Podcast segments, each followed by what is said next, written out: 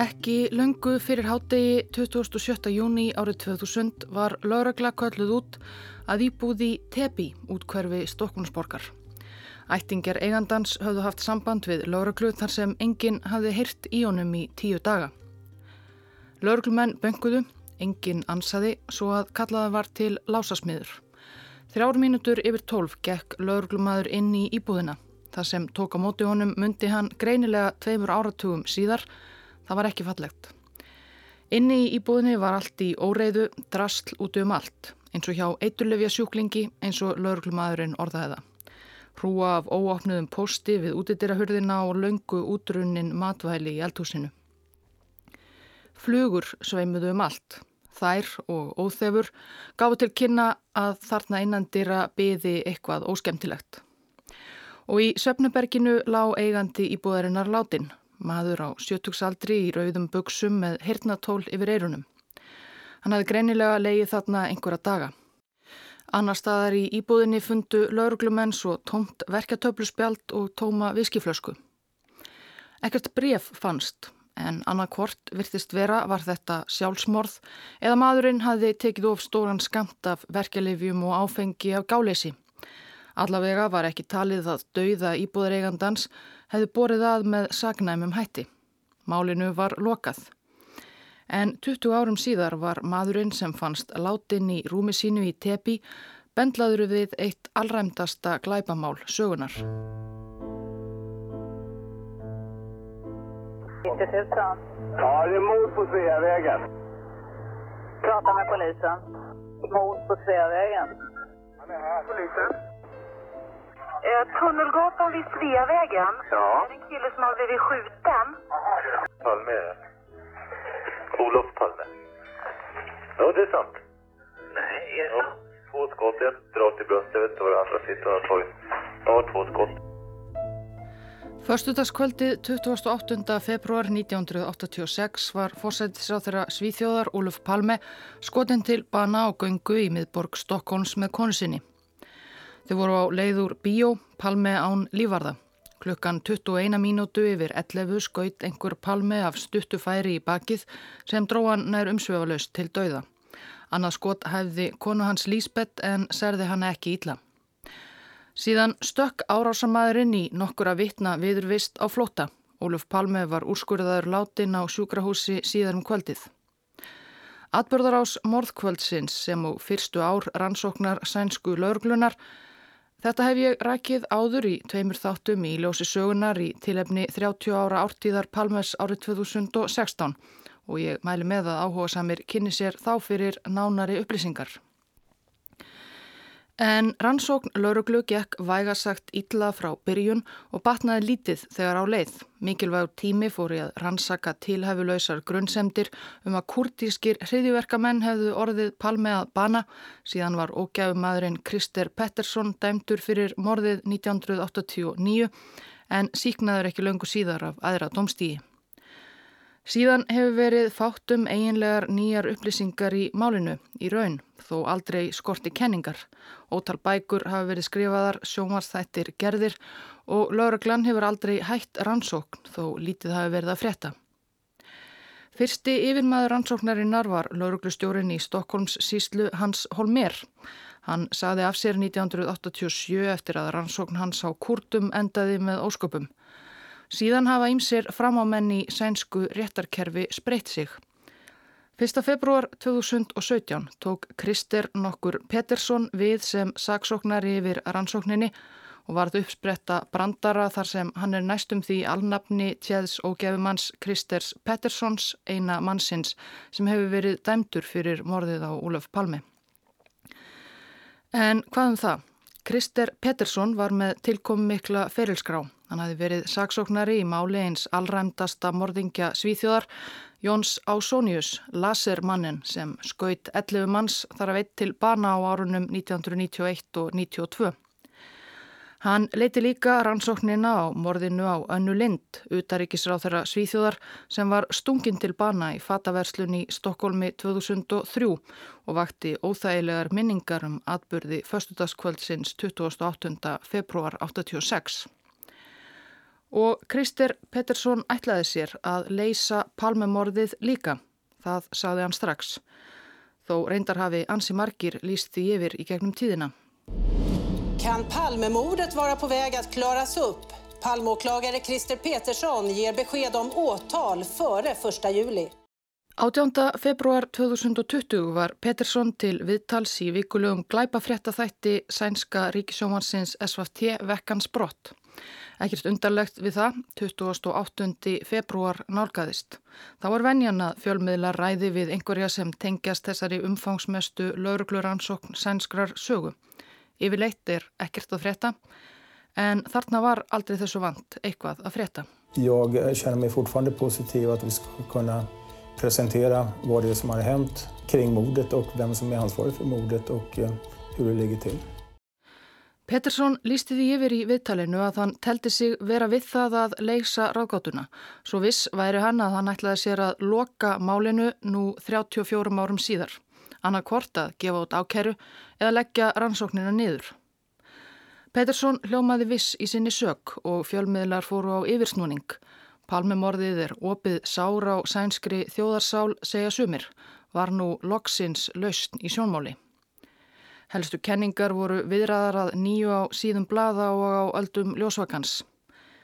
Loks helt Pettersson saksóknari langþráðan bladamannafund að morgni 10. júni og tók þá af allan vafa í upphafi.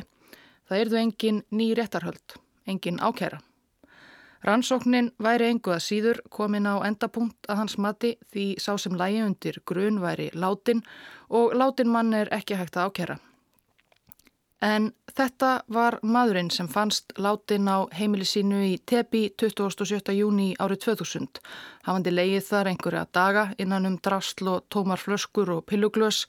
Maður sem Lörglann hefur haft vitneski um frá allra fyrstu dögum rannsóknarinnar en fáir veittu mikla eftirtækt fyrir en áratugum síðar. Maður að nafni Stíg Enström. Vi kommer inte runt en person som eh, en misstänkt gärningsman. Och den personen är Stig Engström som ju har omnämnts i media som den så kallade Skandiamannen. Stíg Engström átti nokkuð óvenjulega æsku. Hann fættist 27. februar 1934 í Mumbai á Indlandi. Indland var þá undir breskum yfiráðum. Fadir Engströms var verkfræðingur hjá sænskum elspýtna framleiðanda sem rak þar versmiðu. Fjölskyldan bjó vel með fjölda þjónustu fólks á heimilinu.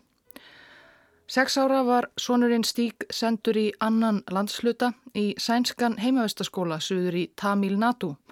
Þar þótti hann feiminn eða með hans eigin orðum. Sem barn klættist ég grænum ennskum hermannabúningi og leik mér með típisk stríðsleikfung. Um leið var ég hræðilega feiminn. Þegar ég þurfti að lesa upp átt í skóla var ég svo tögastyrkur að ég gatt varðla andað.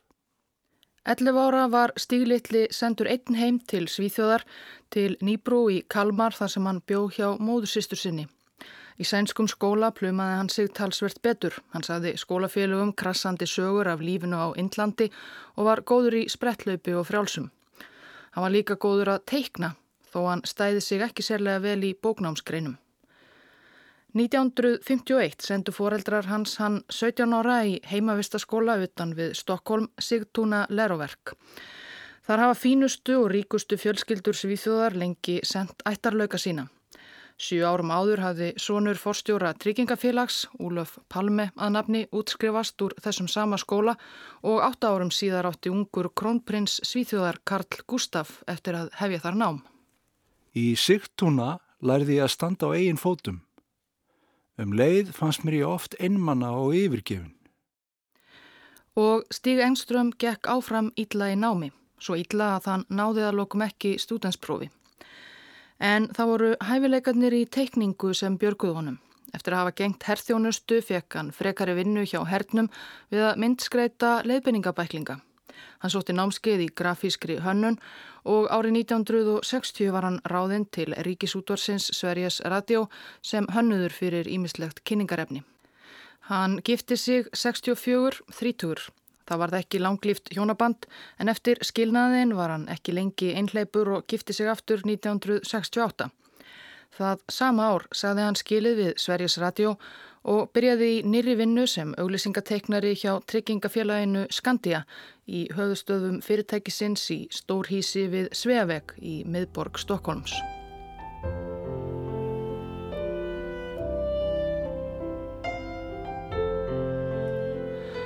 Í ársbyrjun 2017 þegar Krister Pettersson tók við Palmeransókninni voru fleiri mannabreitingar í rannsóknarteiminu. Allt nokkrir lauruglumenn sem unnið höfðu lengi í Palmeteiminu fóru á eftirlaun og aðrir rannsakendur tóku við. Þeirra fyrsta verk í starfi var auðvitað að setja sig inn í málið, lesa málskjölinn sem hlaupa á tugum eða hundruðum þúsunda. Sænska lauruglan sagði reyndar nýverið að það að lesa alveg öll skjöl í málinu myndi taka vana löglærða mannesku nýju ár. En þetta var tækifæri til þess að fara yfir allt saman aftur frá grunni. Var eitthvað í skjölunum sem forverum þeirra hafði yfirsjast, eitthvað sem að við blasti að þyrti að rannsaka nánar? Samkvæmt ein orðum Petterssons á bladamannafundinum 10. júni var ákveðið að fara alla leið aftur til morðkvöldsins og fara yfir allt sem til varum þar sem átti sér stað þarna á þessum ákveðna stað í miðborginni réttum 20 mínútur yfir 11. 28. februar 1986. Hvað sáu vittni á vettfangi nákvæmlega til dæmis? Frásagnir vittna hafa ættið leikið stort hlutverk í kenningum fólks um morðið. Það var vitnisspörður Lísbettar Palme ekkunar sem átti stæstan þátt í því að Krister Pettersson var dæmdur á sínum tíma. Hún taldi sig þekkjan, var alltaf sannfærð um það. Þó reyndar hafi síðar mjög margir aðrir dreyið þann framburð í Eva. En Lísbett er allavega ekki lengur til frásagnar. Hún lést 87 ára í oktober 2018 telja reyndar sumir að dauði hennar hafi orðið til þess að glæða rannsóknina og morðinu á manni hennar nýju lífi. Yfir völd hafi ekki lengur þurft að óttast að móðga eða koma illa við ekkjuna. En já.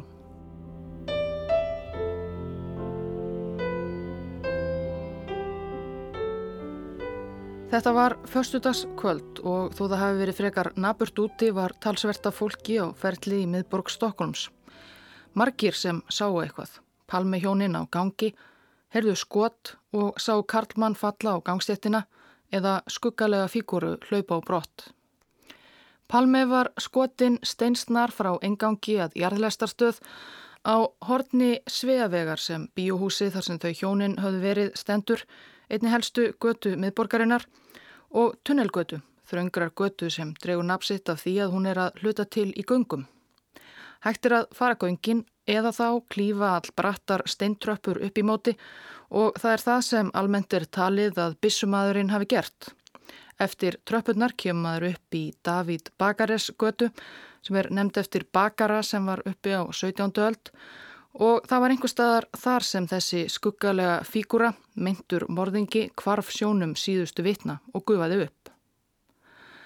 En það sem Krister Pettersson saksóknari sagði menn sína hafa gert, það var að rína í alla vittninsburði þeirra sem voru einhver staðar nálægt vettvangi glæpsins, hvað þeir sáu og hvað þeir sáu ekki. Og þá rann upp fyrir þeim að það var nokkuð sem passaði ekki. Það var einn ákveðin maður sem passaði ekki inn í púslið.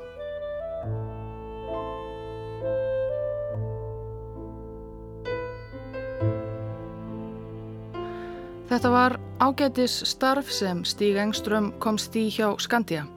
Hann og kona hans gáttu von bráðar fluttin í dægilegt einbillishús í útkverfinu Tepi lengst norður af Stokkulmi. Það er útkverfi af fínatæginu. Í Tepi eru meðal tekjur með þeim hæstu í allir í Svíþjóð. En svo fór að halla undan fæti. Stíg Engström fór að þjást af gikt strax á 8. áratugnum þegar hann var enn réttum færtugt. Hann rakti það til mistaka tannlæknis sem glimti eitt sinn bor upp í honum. Hann eidilaði líf mitt, sagði Engström kunningum sínum, því giktinn laðist ekki síst á hendur hans og fingur, atvinnutæki hans sem teiknara. Hann gengdi nokkrum trúnaðarstöðum í starfsmannaliði Skandia en fannst hann þó ekki ná þeim framgangi í starfi sem hann átti skilið. Hann dreymdi um að verða settur yfir auglýsingadeildina en hafði ekki erindi sem erfiði, þó með tímanum yrði hann með reyndustu starfsmönnum deildarinnar. Kollegar pískurðu um að hann var orðin nokkuð drikkveldur og drakk á vinnutíma. Tepi, þetta velmegandi útkverfi, er örugt víi hægrimanna.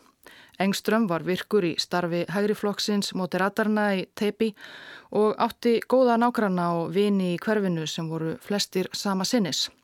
Markir kunningir hans voru úr hernum, hann hafði ju sjálfur kunnað ágæðlega við sig í herþjónustu og fæstir voru þeir sérstaklega hrifnir af forsættisráþránum Úlöf Palme. Hann átti það jú til að vekja með fólki sterkar tilfinningar á báða búa, mikla hrifningu eða heitt hatur.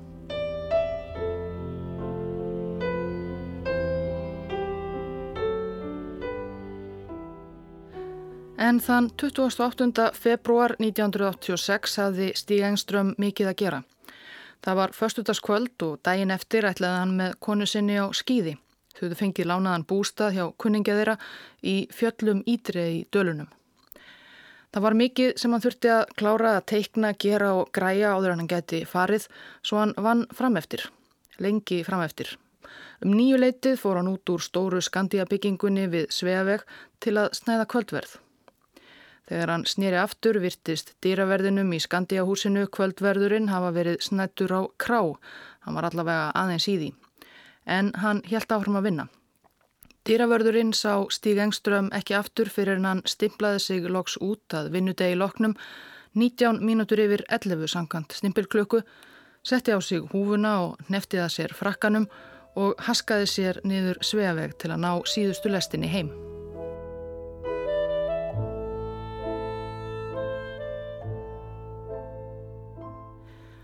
Úlöf Palme, forsættisráþur að Svíþjóðar, var skotin í bakið af stuttu færi á hortni Sveavegar og Tunnelgötu klukkan 21 mínútu yfir 11. 28. februar. Lars Jeppsson var 26 ára starfsmæður á skjálasafni. Hann hafi verið á tónleikum, var rétt við hortnið á Tunnelgötu og Lundmakargötu sem liggur fyrir ofan Sveaveg 21 mínútu yfir 11 þegar hann heyrði kvell og fröys. Skelvingulostinn en forvitinn faldi hann sig hálpartinn við verkamannaskúra við tunnelgötu, þar voru framkændir í gangi, kíkti samt í áttað sveavegi og sá mann falla til jarðar, Úlöf Palme. Jeppsson var hrettur, þorði valla að kíkja, en svo örstund síðar heyrði hann að einhver tók á rás upp tunnelgötu. Þáloks kíkti hann aftur og sá mann stökka upp tröppunar, mann í dökkri yfirhöfn og með húfu Það var Jeppsson alltaf samfærður um.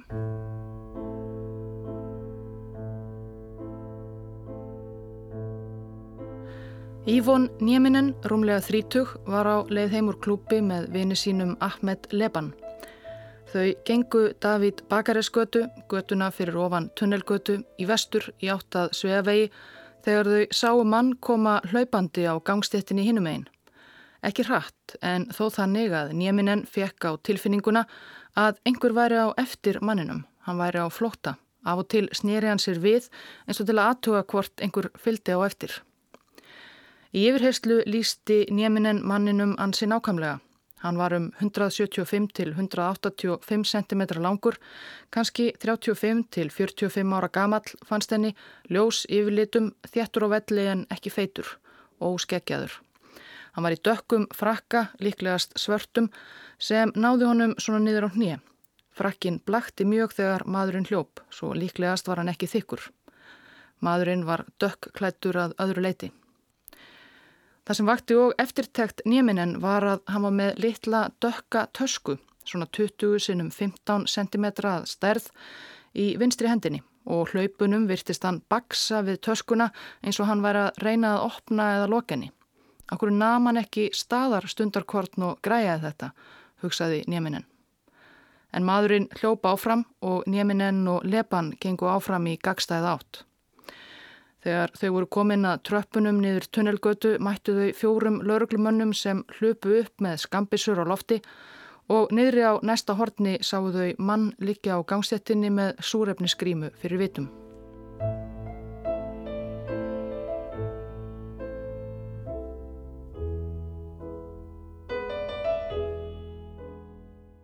Lísbeth Palme sagði í sínum fyrstu yfirheyslum að bissumadurinn hefði verið í blári úlpu en Jeppsson, Nieminen og fleiri á vettvangi sá mann í dökkum frakka, líklega með einhvers konar vetrarhúu sem í það minsta var á hlaupum í nákrenni morstaðarins.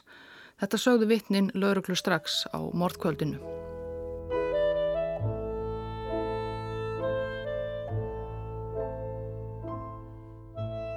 Lögadagsmorgunin 1. mars 1986 var mörgum svíjum eftirminnilegur. Þeir sem hefðu farið snemma í háttin kvöldið áður vöknuðu við æbandi fyrirsagnir dagbladana forsættisráþara landsins hafi verið skotin til bana. Stíg Engström vaknaði snemma í einbílishúsinu sínu í Tepi. Hann fór út og sótti dagbladið við postkassan rakstan á nágrana og sagði honum að hann hefði unnið fram eftir í gær og verið með fyrstu mönnum á vettvang morðsins. Í blaðinu las hann svo að lögregla leitaði manns í dökkum frakka með húfu eða hatt sem hefði sést á vettvangi. Stíg Engström ákvað þá að ringja, ekki í lögregluna, heldur í sænska dagblæðið, saðist vittni að morðinu og vildi segja sögu sína. Blaðamanni saði hann síðan að hann hefði verið einn af þeim fyrstu sem komað palmi á gangstettinni og hann hefði hjálpað ungri konu að leggja fórsættisráþrann í hliðarlegu. Ljósmyndari Sænska dagblaðsins tók mynd af engström í eldhúsinu heima hjá sér í joggingbuksum með blaða dagsins fyrir framann sig. Þetta var svo annarsamur morgun. Eftir að bladamennir kvöttu ringdi engström í vinsinn sem hafi lánað þeim hjónunum bústaðinsinn í dölunum. Þau gætu ekki komið í dag því hann þyrti að fara í yfirherslu út af palmemorðinu. Reyndar hafði lauruglan þá alls ekki bóðað Engström 1-1. Því næst ringdi Engström til yfir dýravarðar Skandiahúsins. Hann þyrti nöðsynlega að vita nákvæmlega hvenar hann stimplaði sig út kvöldið áður. Lauruglan og pressan voru á eftir honum með þetta, svona einhvern veginn orðaðan það. Á ég að láta laurugluna hafa tíman úr stimpilklukkunni beint, spurði dýravörðurinn þá. Nei, nei, ég sé um það, svaraði Engström. Hann hljómaði eins og hann væri í nokkru uppnámi, myndist dýravörðurinn síðar. Hann har varit íkledd mörka kleder. Det är också troligen så att han hade en eh, keps på huvudet. Á hátegi helt yfirmaður rannsóknarinnar Hans Holmér bladamannafund. Þar lísti hann því sem vitni lístu flest í stórum dráttum dökklættum manni um 175 til 185 cm á hæð og bætti líka við nýjum upplýsingum. Mögulega hefði maðurinn verið með húfu, svona vetrarhúfu með hangandi eirnaskjólum. 20 myndur yfir 12 ringdi Stíg Engström enn eitt símtalið, nú til lauruglunar. Lauruglumadur hínum einn línunar ritaði svo eftirfarandi skýrslu um samtal þeirra. Engström var búin í vinnunni og var rétt komin út á götu þegar hann heyrði það sem hann helt fyrst að væri kvellur í púströri. Hann sá þó fljótt að einhver lága á gangstéttinni og að það var fólk í kring. Þegar hann fór fram hjá tunnelgötu leita hann þangað. Hann sá að þar stóð maður um tvítugt í dökkblári úlpu. Þegar hann kom upp að Palme, saði Lísbeth Palme að morðingin væri í dökkblári úlpu. Engström hljóp þá eftir lauruglumönunum sem hann sá hlaupa upp göduna en náði þeim ekki. Hann snýri þá aftur. Hann telur að lýsingar á manni í dökkum frakka geti átt við hann sjálfan. Hann var sjálfur í dökkum frakka og með húu. Þarna hafði vel að merkja frásögn Engströms tekið nokkrum breytingum frá því sem hann sagði nágrunum og bladamönnum fyrr um morgunin. Ekki nóg með að hann hafi komið að Palme, hafði hann átt orðaskipti við konu hans Lísbeth og svo sjálfur hlaupið á eftir morðinganum.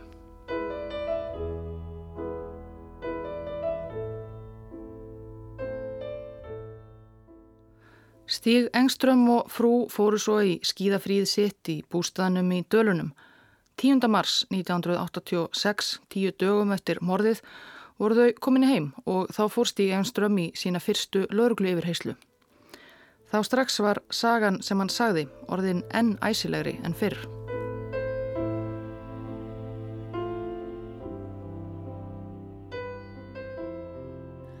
Þegar Engström yfirgaf Skandía var hann að hans sögn klættur í eftirfarandi. Svartan vetrafrakka sem nam rétt við nýja. Frakkin var upp neftur. Dökkgráa derhúu, miðlungsgráar buksur. Engström var með litla handtösku sem var dökkbrún. Engström er 52 ára gamall, 182 cm á hæð og vegur tæplega 80 kíló. Þegar Engström kom hálf hlaupandi að reyfingalösum manni liggjandi á götunni, hjælt hann fyrst að þetta væri fyllibitta, sagði hann við löglu, en áttaði sig svo á að málið væri alvarlegra. Hann hjálpaði til við að koma Palme í hliðarlegu, rópaði á sjúkrabíl og rætti svo við frú Palme.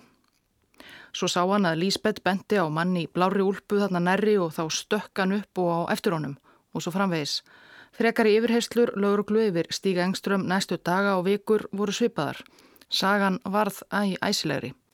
Hann reyndi að lífka palmi við, snýri aftur á vettvang eftir hlaupið á eftir morðingjanum og rætti þar við lögurglumenn. En þetta stemdi eiginlega ekki við neitt sem nokkurt annað vittni á vettvangi kannadist við. Lísbeth Palme kannadist til að mynda ekki við að hafa rætt við nokkurt mann svona yfir degjandi einmanni sínum. Önnur vitni sem voru svo nærri sögðu flest að Lísbeth hefði verið frá sér numinn af geðsaringu og ekki ástandi til að eiga samræður við nokkurt mann. Og engin annar sem stumraði yfir hinnum dauða eða degjandi forsættisráð þeirra kannadist við að þar hefði verið maður um 50, nýja lauruglumennir sem voru fyrstir á vettvang. Svo að Stíg Engström var á endanum afskrifaður sem hveruland, kannski líga sjúklingur sem vildi bara vekja á sér aðtikli. Það væri ekki langsótt, í þessum töluðum orðum reknast sænsku lauruglunni til að 134 einstaklingar hafi játað á sig morðið á Ólaf Palme og þá eflaust ótal fleiri sem hafa gert sér upp vitnisspurði til að komast í frettinnar.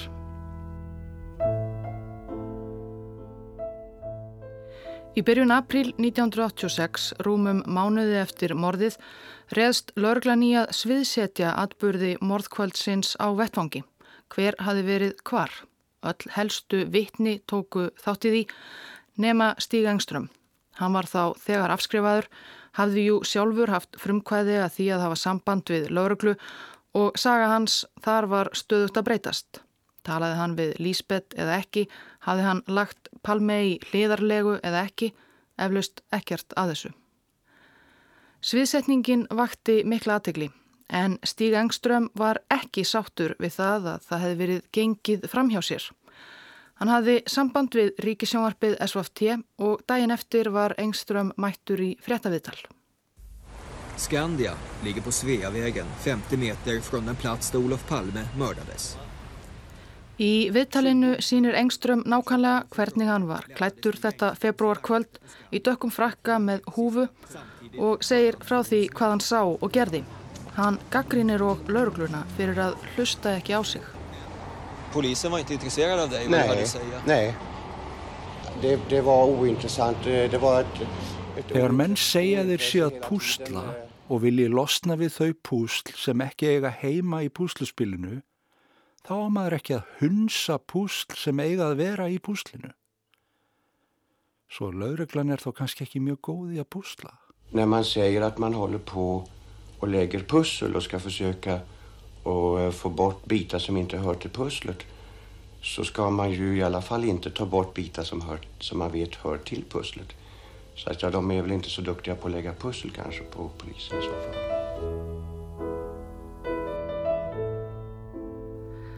Á bladamannafundinum markumrætta 10. júni 2020 var það helsta niðurstaða Krister Petterssons saksóknara að það væri ekki hægt að kortleggja gjörðir Stíg Engströms á vettvangi morðsins á Óluf Palme samkvæmt hans eigin orðum, Engströms, og koma því heim og saman við framburð vitna. Lars Jeppsson, Ívon Nieminen og fleiri vitni sem hér gefst ekki tími til að nefna höfðu þau séð manni dökkum frakka og kannski með húfu í eða við vettvang glæpsins.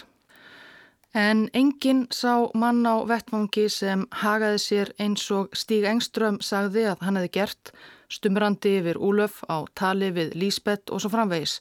Engin myndist þess raun að hafa séð engström nokkur staðar á vettvangi. Helstu vittni voru endanum spurð, fenguð að sjá mynd af engström sem fyldi einhverjum af hans mörgu bladaviðtölum eftir morðið, mannstu eftir að hafa séð þennan mann á vettvangi. Engin myndi eftir því sérstaklega. Og rannsóknin tók fljótt aðra stefnu í áttað kurdískum hriðverkamönnum. Þó svo að vittnisspurður Stíks Engströms væri stór undarlegur og stemdi varla við neitt var hann strikaður út en það þurfti að sinna öðru, kurdum og því næst Krister Pettersson og gefumanninum. Stíg Engström var afskrifaður sem aðteglisjúkur hveruland og að lokum glemtur flestum sem letu sig málið varða. Fyrir en, jú, ný öld gekk í garð og smátt og smátt fór eitthvað á reyfingu.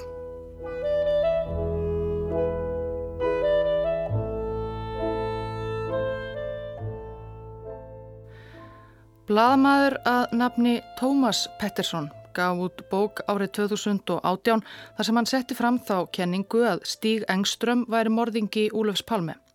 Svo bók var eflaust fyrsta viðkynning margra sem ekki hafa stundað það að lúslesa málskjöl Palmemorðsins við þannan mann Stíg Engström. Þá þegar var þó Palmeteimi lauruglunar byrjað að rannsaka mál hans að nýju og hefur saksóknari Pettersson sagt að upplýsingar frá bladamanni Pettersson hafi ekki haft neitt um endanlega niðurstöðu að segja. En bók Petterssons segir okkur þó ímislegt um karakterinn Stíg Engström. Til dæmis að hann var vanur skotvopnum, hann hafi verið í hernum og líka í skotklúpi á fyrri árum og nágræni hans og vinur úr hægri kreðsunum í tepi var mikill vopnasafnari og átti meðal annars Smith Wesson skambissu af þeirri tegund sem talið er að hafi orðið palmeða bana. Sú bissa var ekki meðal þeirra ótalmörgu Smith Wesson bissa sem lögregla rannsakaði á fyrstu misserum rannsóknarinnar. Téður nágræni og safnari er látin og seldu ákomendur hans þá safniðans. Eftir að Krister Pettersson og félagar fóru að beina sjónum sínum að Engström tókst þeim að rekja slóð skambissunnar og tóku hana til rannsóknar. En niðurstaða teknitildar lauruglu var að ómögulegt væri að segja til um hvort hún væri morðvopnið. Í raun væri ólíklegt að nokkuð tíman úr þessu væri hægt að segja með algjöru vissu hvort eitthvað ákveðið vopn væri hið eina sanna morðvopn.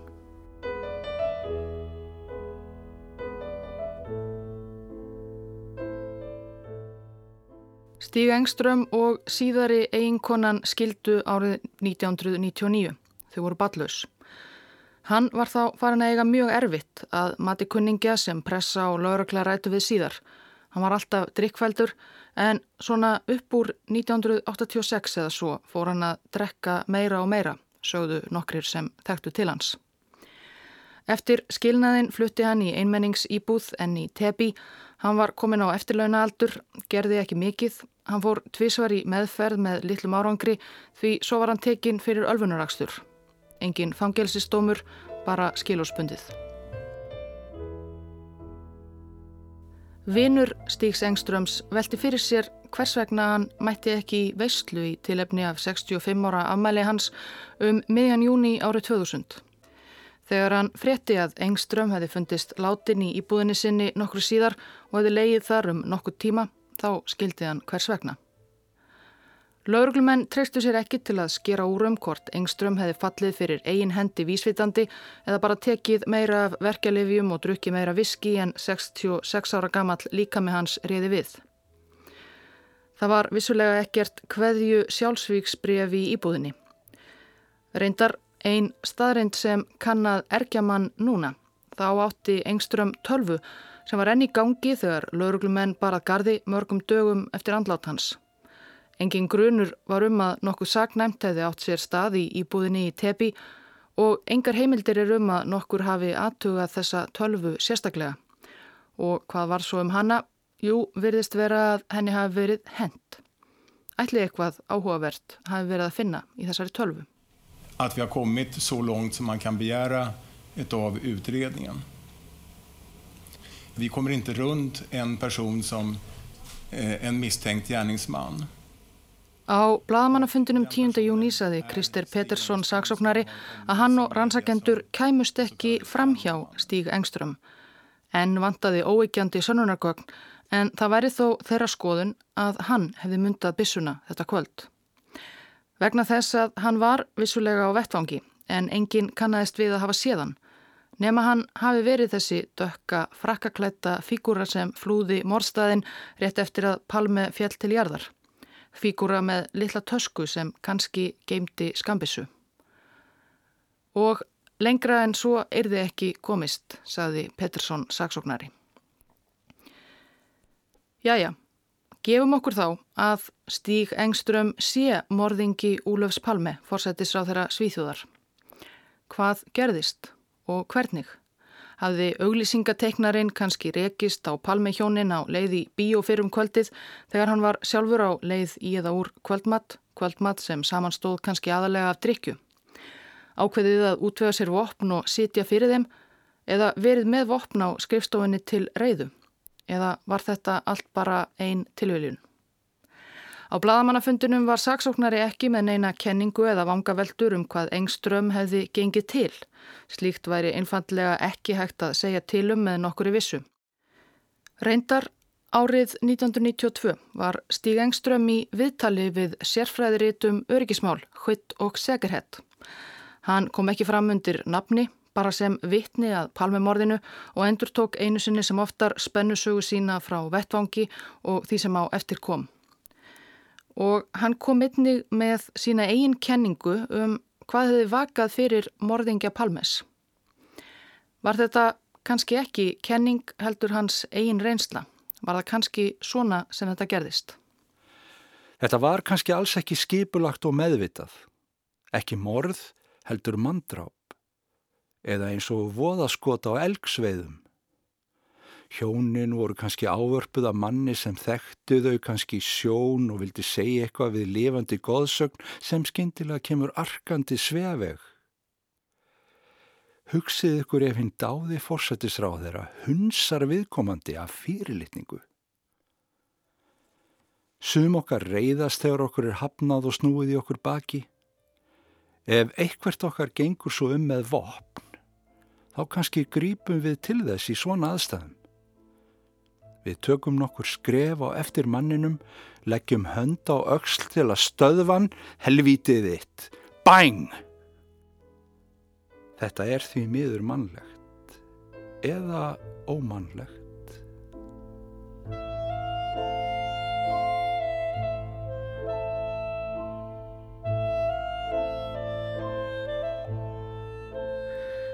Ágætti hlustandi, ég hef dreyið saman það sem saksóknari hafi fram að færa á bladamannafundi 10. júni 2020 og æfi ágrip þess manns sem að núna verður allavega af einhverjum álitin morðingi Ólafs Palme fórsættisáð þeirra svíþjóðar.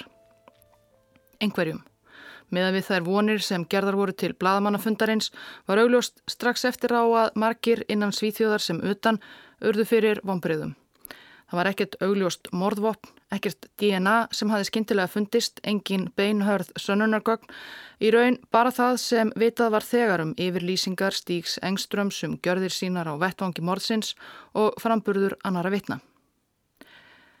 Nokkuð ljóst er að þótt þessari löngu umfangsmiklu og kostnæðarsömu laurugluransókn sé nú formlega lokið er áhugi almennings á málinu ekki gufaður upp og ekki eru allir samfærðir, eflust eru margir sem ekki munu sætta sig við þessa niðurstöðu og halda áfram að grúska í hinnum mörgu, missennilegu og missgáfulegu kenningum um örlög Ólufs Palme.